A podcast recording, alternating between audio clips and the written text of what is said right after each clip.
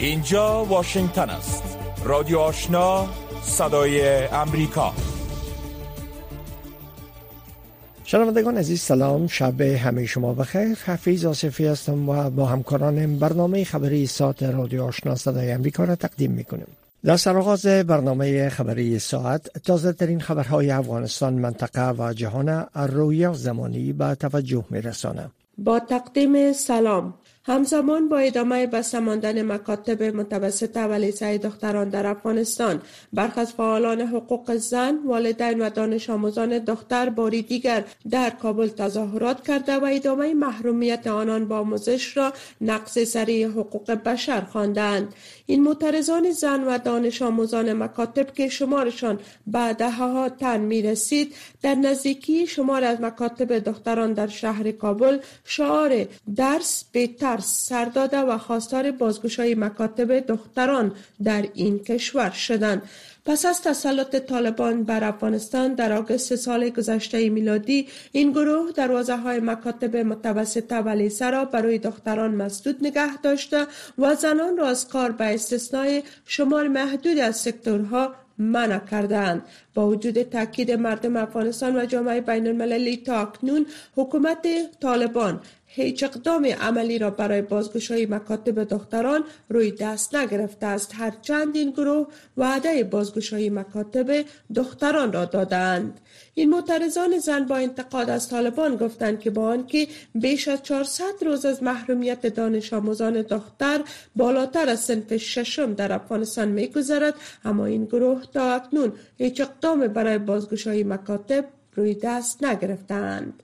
کرندکر سرپرست سفارت ایالات متحده برای افغانستان می‌گوید که اگر افغانها از آموزش محروم شوند هرگز بر فقر و بیچارگی پیروز نخواهند شد.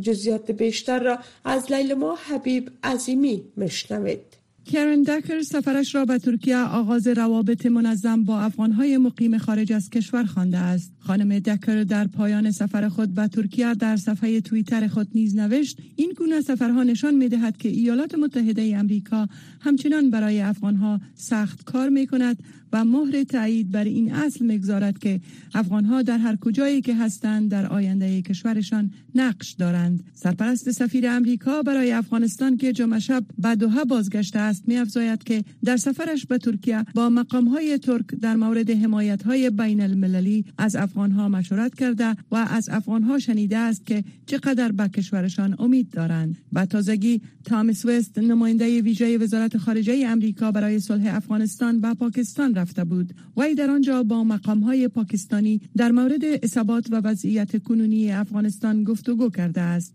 وست درست پیش با حامد کرزی رئیس جمهور افغانستان گفتگوی تلفنی داشت و گفت که نیاز عاجل با آغاز گفتگوی واقعی ملی میان افغانها در مورد آینده کشورشان وجود دارد. دیدارها و گفتگوهای نمایندگان بلندپایه امریکا با برخی از افغانها در حال صورت می‌گیرد که حدود سه هفته پیش مقام های استخباراتی امریکا و حکومت طالبان نیز در قطر با یکدیگر دیدار کردند. رئیس جمهور ازبکستان و رئیس شورای اروپا در دیدار مشترکشان تاکید کردند که افغانستان نباید باری دیگر به تهدید برای منطقه و جهان مبدل شود. شوکت میرزایف رئیس جمهور ازبکستان روز گذشته میزبان شارل میشل رئیس شورای اروپا بود. بر اساس اعلامیه شورای اروپا دو جانب در مورد افغانستان به وضعیت بشری جلوگیری از مبدل شدن افغانستان به تهدید برای منطقه و جهان تشکیل حکومت همه شمول و رعایت حقوق بشر به ویژه حقوق زنان گفتگو کردند. دو جانب در یک اعلامیه مشترک گفتند که وضعیت بشری در آستانه زمستان در افغانستان نگرانی بزرگی است و کمک های بشری باید برای مردم این کشور فراهم شود. رئیس جمهور ازبکستان گفت که کشورش ابتکار را برای ایجاد گروه بین المللی به هدف گفتگو با حکومت طالبان در دست گرفته است. مسئولین شرکت هوایی آریانا می‌گویند که پس از هفت سال پروازها به شهر العین امارات متحده عرب را از سر گرفتند. این مسئولین امروز شنبه به صدای امریکا گفتند که خطوط هوایی آریانا هفته دو پرواز به این شهر امارات متحده عرب خواهد داشت و نیز کالاهای تجار افغان را انتقال خواهد داد. پس از مسلط شدن طالبان بر افغانستان بسیاری از پروازهای شرکت های هوایی به شمول خط هوایی آریانا به کشورهای منطقه متوقف شده بود. بر اساس معلومات مسئولین این شرکت خط هوایی آریانا در حال حاضر به هند ایران روسیه دبی اسلام آباد دوحه استانبول و انقره پرواز دارد. خبرهای منطقه و جهان را از رادیو آشنا صدای امریکا میشنوید. ملل متحد نگرانی فزاینده خود را در واکنش به گزارش های کشته شدن افراد در جریان اعتراضات مردمی در ایران ابراز کرده است. استفن دوجاریک سخنگوی ملل متحد روز گذشته در نیویورک گفت که این سازمان همه موارد را که منجر به مرگ یا جراحت جدی معترضان شده محکوم می کند و یک بار دیگر از نیروهای امنیتی می خواهد که از کاربرد غیر ضروری و نامتناسب قوه. خودداری کنند. سخنگوی ملل متحد افزوده است که افراد مسئول باید پاسخگو قرار داده شوند و این سازمان از تهران می‌خواهد که به خواسته های مشروع مردم ایران احترام و به حقوق زنان رسیدگی شود. استفن دوجاری که از حکومت ایران خواست که حقوق بشر را رعایت کند و خاطر نشان ساخت که بحران کنونی امکان دارد و باید از طریق تفاهم و گفتگو مهار شود. سیلاب های شدید و لغزش زمین که در نتیجه باران های سیل‌آسا در فیلیپین صورت گرفته است منجر به کشته شدن کم از کم 47 تن گردیده است. گزارش ها می رساند که مقام های محلی روز شنبه گفتند که از ناپدید شدن 60 روستایی نگران هستند که احتمال دارد در لای و گل مدفون شده باشند. سازمان پاسخ به وضعیت اضطراری این کشور می‌گوید که پنج تن دیگر در اثر طوفان گرمسیر نالگای که اوایل روز شنبه در ولایت شرقی کاماری سور رخ داده است جان باختند. اما بدترین وضعیت طوفانی در روستای کسون گزارش شده است جایی که آوار لای گل منجر به ناپدید شدن شصت روستایی شده است. جیمز کرولی وزیر امور خارجه بریتانیا امروز شنبه گفت که بریتانیا در حال تأمین مالی تکنولوژی های جدید ضد تیاره های بی پیلوت است تا به عنوان بخش از تلاش ها برای سرکوب محتوای افراطی فعالیت کمپانی بزرگ تکنولوژی جدید و جلوگیری از دسترسی شبه نظامیان به آن می باشد.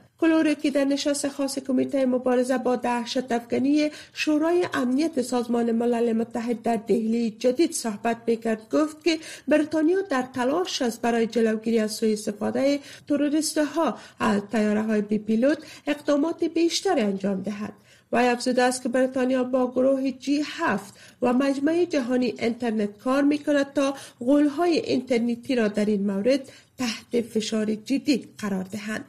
سخنگوی سازمان ملل متحد گفته است که سال 2022 مرگبارترین سال برای فلسطینی ها در کرانه غربی از زمان آغاز عملیات ردیابی تلفات از سال 2005 به این سو توسط سازمان ملل متحد می باشد. این مقام ملل متحد خواستار اقدام فوری برای آرامش وضعیت انفجاری و حرکت به سوی تجدید مذاکرات اسرائیل و فلسطین گردید. ونسل بس شورای امنیت سازمان ملل متحد گفت که افزایش ناامیدی خشم و تنش باری دیگر به سلسله مرگبار خشونت تبدیل شده است که مهاران به طور فزاینده دشوار است و تعداد زیادی از مردم به طور خاص فلسطینی ها کشته و زخمی شدند. اما همکننده ویژه روند سال شرق میانه در یک ارزیابی ویژه خود گفته است که وضعیت در کرانه غربی رو به وخامت است و این وضعیت بی ثبات کنونی ناشی از دهه ها خشونت است که تلفات بر اسرائیلی ها و فلسطینی ها را در پی داشته و باعث عدم دوام طولانی مدت مذاکرات و عدم حل مسائل کلیدی. دامن زدن به منازع اسرائیل و فلسطینی را همراه بوده است. ونسلت گفت که پیام او به مقامات و جناهای فلسطینی مقامات اسرائیلی و جامعه بین المللی در هفته های اخیر روشن بوده است. این اولویت فوری این باشد که برای آرامش وضعیت و معکوس کردن روندهای منفی باید کار شود و اما اهداف باید توانمندسازی و تقویت حکومت خودمختار فلسطین و ایجاد سوی بازگشت به یک روند سیاسی باشد. و در خبر اخیر.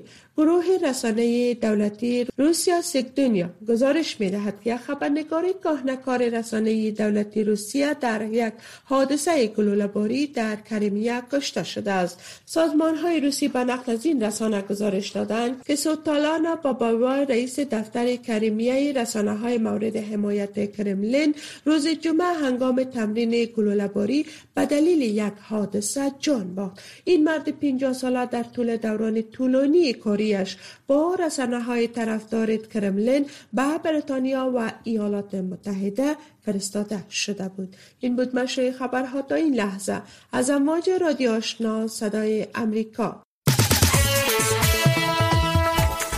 شنوندگان گرامی رادیو آشنا صدای امریکا. نشرات رادیو آشنا را در موج متوسط 1296 موج کوتاه 11575 اعشاری صفر و در موج 972 کیلوهرتز شنیده می توانید. خبرهای افغانستان منطقه و جهان از رادیو آشنا صدای امریکا شنیدین. آل هم گزارش های ای برنامه. وزارت خارجه طالبان اظهارات ریچارد بنت گزارشگر ویژه ملل متحد برای بررسی وضعیت حقوق بشر در افغانستان که گفته عقبگرد حقوق زنان در زیر حکومت طالبان در طول یک سال گذشته در تاریخ افغانستان به پیشی نبوده او را رد کرده و دور از حقیقت خواندند. فرخنده پیمانی در این مورد مصاحبه با ظریف غفاری شاروال پیشین میدان شهر انجام داده که با هم میشنویم. خانم غفاری طالبان میگن که گزارش ریچارد بنت در مورد وضعیت بشری در افغانستان دور از حقیقت است و ایره رد می‌کنن و ادعا می‌کنن که وضعیت در افغانستان خوب است. نظر شما که البته چند ماه پیش هم به افغانستان رفته بودین و وضعیت را از نزدیک دیدین واکنش شما در این رابطه چی است؟ خب ببینین افغانستان دوزخی است که مردان گناهگار هم دوست اما امکاناتش دارن تا به بسیار لذت و عزت زندگی بکنن. ولی زنان شجاع دلیر و همیشه همیشه قربانی سیاست ها و اشتباهات بقیه مردم دور برشان قیمت می‌پردازن به همه چیز و قربانی بودند اون کشور. افغانستان وضعیت کنونی زنان چنان که قبلا هم گفتم. از, از, از موضوع مشارکت سیاسی و اقتصادی گرفته تا موضوعی که حتی حتی زنان افغان امروزه روز به جایگاهی رسیدن که اولاد خود میفروشن فرزند خود میفروشن تا یک لقمنان به بقیه اعضای فامیل خود تهیه بکنن افغانستان کشور است و یگانه کشور است که زن زن افغان اجازه طفل فروشی اجازه لوازم خانه بله. فروشی نداره اجازه هر کار دیگر داره ولی اجازه حتی حتی هویت ثابت کردن هویت خود هم نداره خب خانم غفاری طالبان بارها تاکید کردند که داعش در افغانستان حضور فیزیکی نداره و طالبان با هر گروه دهشت افغانی دیگر مبارزه خواهند کرد. به نظر شما در یک سال گذشته و بیشتر از یک سال طالبان در مبارزه خود در مقابل داعش موفق بودن یا خیر؟ اگر موفق می بودن که ما صدها طفل جوان حداقل حداقل حادثه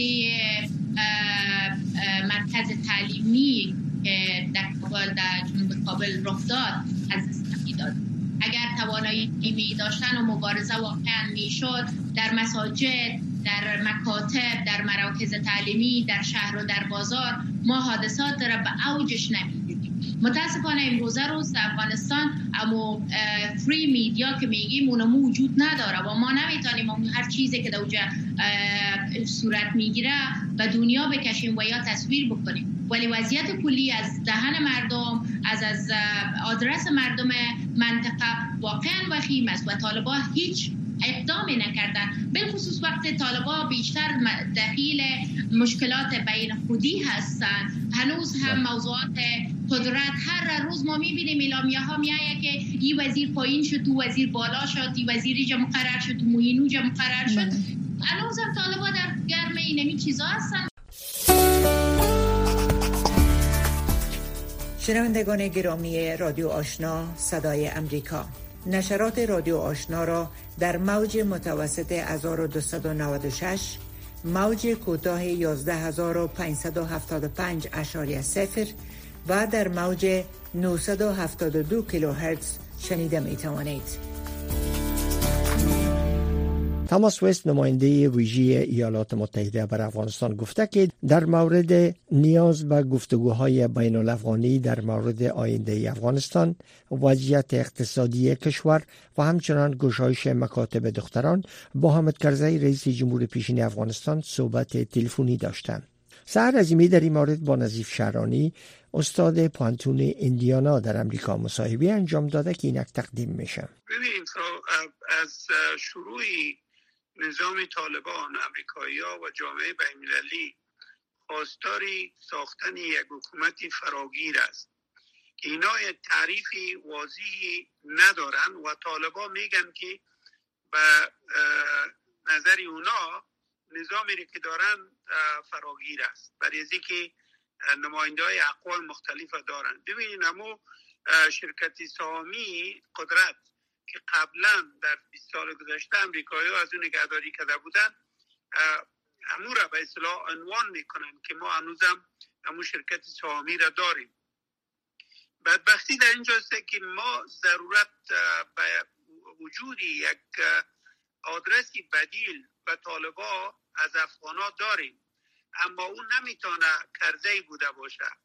با تاسف کسایی که هنوزم برای امریکایی ها به ارتباط افغانستان مطرح هستن کرزی و غنی و رژیما و کسایی که اینا با اینا کار کردن در 20 سال همونا رو هنوزم اینا مطرح می‌دانن. و اکثریت مطلق جامعه ما که جوانا هستن و 65 تا 70 فیصدی نفوسی کشور جوانای کمتر از 34 سال 35 سال تشکیل میدن اونا رو کاملا نادیده می‌گیرن. و تاسف در اینجاست که اینمی گروه جوان ما تا هنوز خود انسجام ندادن و خود را بدیل به یک آدرسی نساختن. ما دیگه ضرورت به این نداریم که ضرورت به این هست که ما یعنی گفتمانی بین الافغانی باید صورت بگیره و در ویانا هم صورت گرفت. در کنفرانس 15 تا هفته سپتامبر یک شروع بسیار عالی بود که در او مورهای کهنه سوخته افغانستان در سیاست افغانستان در اونجا وجود نداشتن. و بسیار کم اگر وجودم داشتن در سطوح پایان بودن. و اونجا یک, یک آغازی بسیار خوبی بود. اما امریکایی ها تا هنوز راجی و او هیچ چیزی نگفتن. و این تاسف آور است. برای که او شروعی یک گفتمانی برنامه محور بود. نه فرد محور بله. ما ضرورت به داریم که جوانای افغانستان به گرد یک برنامه واضح نظام نظام سیاسی در افغانستان بوده باشند و بتانن افغانستان از این جنگای خانمانسوزی نه تنها چلو چند سال بلکه صد و چل سال تاریخ افغانستان باید نجات بدن.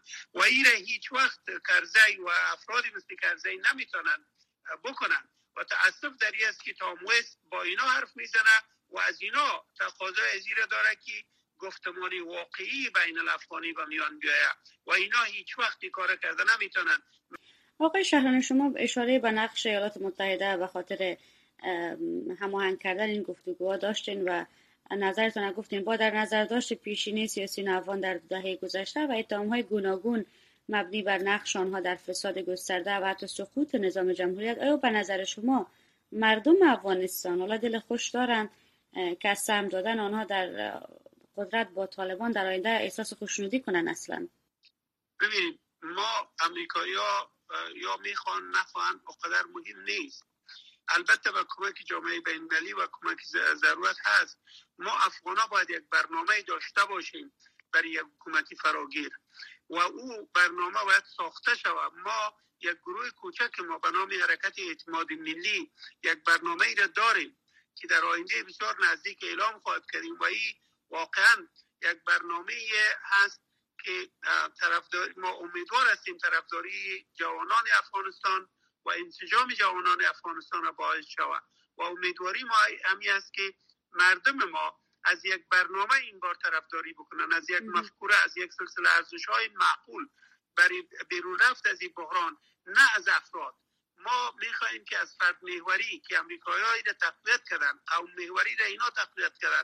ما نمی‌خواهیم سیاست ما در آینده قوم محور و فرد محور باشه. ما می‌خواهیم برنامه محور بوده باشه که در اون تمام جامعه ما خود در آینش ببینن و همچنان طرفداری بکنن. و از جامعه بینالمللی خصوص از امریکایا تقاضا بکنن که به طرفداری از برنامه ما افغانا اینا کار بکنن. نه به طرفداری از افرادی که اینا قبلا هم انتخاب کرده بودن و اگر می‌خوان بازم دوباره انتخاب بکنن اونا را. این کاری نادرست است نامعقول است و مردم ما از او پشتیبانی نخواهد کرد. رژیم ها در افغانستان به صورت به کمک یک کشور خارجی روی قدرت آمده. بسیاری منتقدان و حتی خود افغان ها امریکا را در سقوط دادن نظام جمهوریت مسئول می‌دانند و دور نگه داشتن و با شراندن جمهوریت از مذاکرات صلح با طالبان را هم دلیلی برای این ادعایشان میگن. به نظر شما این بار چقدر میشه به خاطر آوردن تغییر در افغانستان از مجرای امریکا و کشورهای جامعه جهانی اعتماد کرد؟ ما اعتماد از نیازی تاریخی نمی‌تونیم داشته باشیم. و علتش هم است که خود ما افغان کدام اقدامی نکردیم کدام برنامه مردم سالار برای حکومت در افغانستان نداشتیم. خارجی ها افرادی را به کرا گرفتن و حکومت ها همیشه حکومت های کرایی بوده و این یکی از معضلاتی همی است که افغانستان در دائم در جنگ بوده و در خشونت بوده. ما این میره باید ختم بکنیم. و تنها وقتی ختم کرده می‌تونیم که ما یک برنامه مردم سالاری و برنامه محور خوب برای یک بدیل نظام سیاسی در افغانستان داشته باشیم که اون غیر متمرکز بوده باشه و حق اداره محلات به خود مردم محل بسپاره و مردم در تصمیم گیری حق داشته باشند و امریکایی ها را باید دعوت بکنن که از همچه یک برنامه اینا طرفداری بکنن و خودشون مورای سوخته را بالای مردم تحمیل نکنند توسط قدرت. ما این درک می‌کنیم. ما آسیب شناسی بسیار عمیقی داریم. از فرهنگ سیاسی نابکار افغانستان و نقش خارجی ها در با وجود آوردن حکومت های کیرایی. ما باید از این جلوگیری بکنیم و تنها وقتی جلوگیری می‌تونیم بکنیم که یک برنامه داشته باشیم که به جامعه بینالمللی تقدیم بکنیم و از او بگوییم که دفاع بکنن و برای تمکینی از او با ما و جامعه افغانستان کمک بکنن رادیو آشنا صدای امریکا هفت روز هفته. خبر و گزارش ها و تحلیل های خبری روز. پس از تهاجم روسیه بر اوکراین خبرنگاران مستقل روسی در کشورشان تحت فشار شدید قرار گرفتند. بسیاری خبرنگاران مستقل روسی به دلیل فشارهای روزافزون حکومت مجبور به فرار از روسیه شدند. گزارش صدای امریکا را در این مورد از مؤمن واحدی میشنویم. میخائیل روبین معاون مدیر مسئول رسانه خبری تحقیقی پرایکت که سال گذشته پس از تهاجم روسیه بالای اوکراین از کشورش فرار کرد مثل صدها ژورنالیست دیگر روسی در خارج از روسیه به کار خود ادامه می دهد رسانه پرایکت در سال 2021 در لست سازمان های غیر مطلوب حکومت روسیه شامل شد و خبرنگاران آن جاسوسان خارجی نامیده شدند. آقای روبین پس از تحمل چندین سال تهدید در مورد گزارشدهی پرایکت توسط رئیس جمهور ولادیمیر پوتین و حلقات نزدیک به او در سال 2021 مجبور به ترک کشور شد. نخست یک مقام بلندپایه حکومت به وی هشدار داد و به وی گفت کار را که انجام می دهد خطرناک است. پس از آن مردان ناشناس به آپارتمان والدین او وارد شدند و فریاد زدند آیا پسر شما از این شرم ندارد که کشورش را می فروشد و سرانجام پلیس در ماه جون 2021 به خانه و یورش بردند و پاسپورتش را پیش رویش گذاشتند. من آن را به عنوان یک اشاره دانستم و تصمیم گرفتم که پس از آن وقت آزمایی نکنم. یک فومینیا گزارشگر پورتال تحقیقی آیستوریز نیز روسیه را ترک کرد. مقامات روسی این رسانه خبری را در سال 2021 جاسوس خارجی قلمداد کرد و دو روز پیش از آغاز تهاجم اوکراین در لست سازمان های غیر مطلوب علاوه شد. اعضای تیم آیستوریز پس از مطلع شدن از این اقدام حکومت به طور مخفی تصمیم گرفتند که از روسیه خارج شوند ولی فومینیا می‌گوید بیرون شدن از روسیه هرگز جزء پلان های وی نبود. در ابتدا وی از قرار گرفتن آیستوریز در لست سازمان های نامطلوب احساس ناراحتی می کرد ولی این حالت تغییر کرد و کشتارهای دسته جمعی در اوکراین اوکراین به یک نقطه تحول برای وی مبدل شد.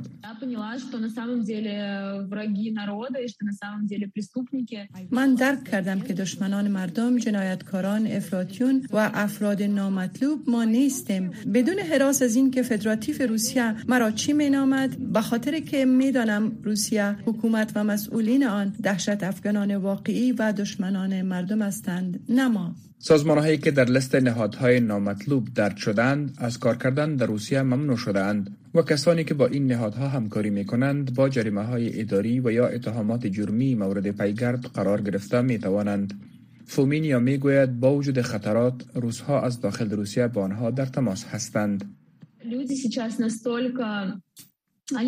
مردم از خاطر جنگ می ترسند ولی آماده هستند معلوماتشان را در مورد بیقانونی هایی که در روسیه صورت می گیرد با ما شریک سازند. تا آخر ماه اکتبر 12 خبرنگار به اتهام چگونگی پوشش خبری جنگ به محاکمه مواجهند که ممکن تا ده سال به زندان محکوم شوند. گالینا اروپا وکیل رسانه ها و مسئول مرکز دفاع از رسانه های جمعی می گوید روسیه به طور عمدی قوانین گنگ را تصویب می کند سانسور زیاد شده و قوانین هم تغییر کرده. تا هر کسی به مخالفت برخیزد آن را سرکوب کند. در بسیار موارد این استراتژی کارا بوده است. از آغاز جنگ صدها خبرنگار روسیه را ترک کرده است. ولی این امر اکثریتشان را از گزارشدهی باز نداشته است.